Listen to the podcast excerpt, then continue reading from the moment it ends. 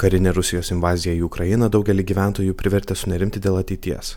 Tie, kas reguliariai domisi savo pensijų fonduose kaupiamo turto ar investicijų verte, greičiausiai pastebėjo pirmosiomis karo savaitėmis įvykusią tam tikro dydžio korekciją.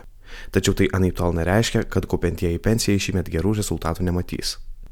Nors tokio atviro ir didelio karinio konflikto Europos žemynė nebuvo 80 mečius, jo poveikis pasaulio finansų rinkoms greičiausiai bus ribotas.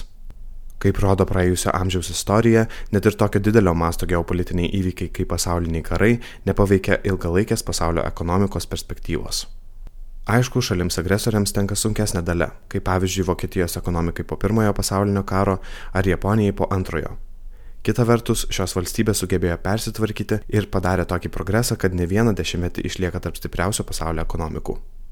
Kai investicijos yra plačiai diversifikuotos, tai yra lėšos išskaidytos po įvairius pasaulio regionus, investuojama į tūkstančius įvairiose šalise ir sritise veikiančių įmonių, tokiu atveju net ir dideli regioniniai kariniai konfliktai turi tik ribotą poveikį.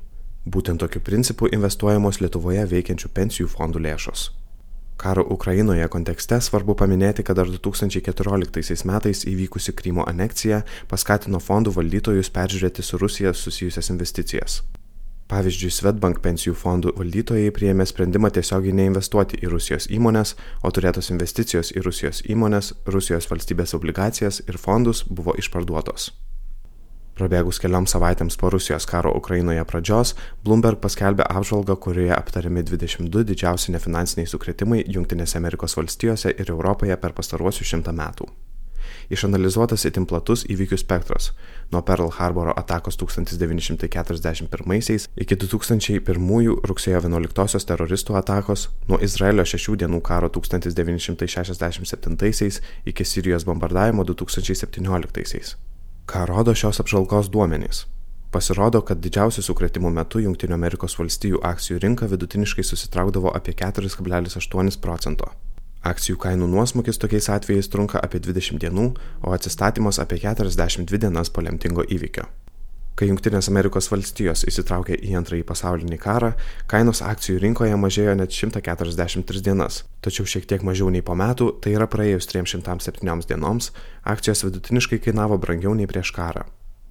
Tai visus kopenčiuosius turėtų nuteikti ramiau, Jų pensijai kaupiamos lėšos dėl šių dienų įvykių neturėtų per daug nukentėti ir netolimoje ateityje jos turėtų padidinti savo vertę. Vykstant karui Ukrainoje mes galime imtis tam tikrų veiksmų padedami ukrainiečiams ir prisidedami prie mūsų šalies saugumo stiprinimo. Jei jaučiamės netvirtai dėl savo finansinio pasirengimo galimiems iššūkiams, turėtume susirūpinti didesniu finansiniu rezervu. Tačiau imtis veiksmų siekiant apsaugoti pensijai kaupiamas lėšas reikalo nėra. Pavyzdžiui, antros pakopos pensijų fonduose kaupiamos lėšos investuojamos pagal gyvenimo ciklo strategiją, kuri subalansuoja investicijas atsižvelgiant į kaupiančiojo amžių ir bėgant metams palaipsniui sumažina riziką. Tokios strategijos pranašumas tas, kad patiems kaupiantiesiems nereikia imtis jokių aktyvių valdymo veiksmų. Jų lėšos visada valdomos pagal optimalią ir jų amžiaus profilį atitinkančią investavimo strategiją. Tiesa, dabar kaip tik gali būti tinkamas metas pratesti anksčiau sustabdytą kaupimą antroje pakopoje ar pradėti papildomai kaupti trečios pakopos fonduose, nes pasaulio finansų rinkos yra atsitraukusios nuo rekordinių reikšmių.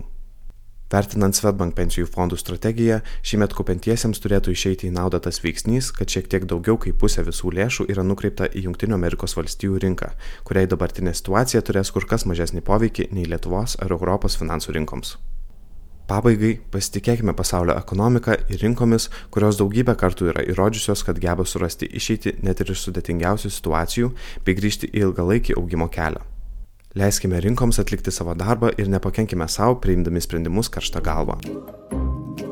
Komentarą paruošė Svetbank investicijų valdymo direktorius Tadas Gudaitis. Įgarsino Kristijonas Vačiukauskas.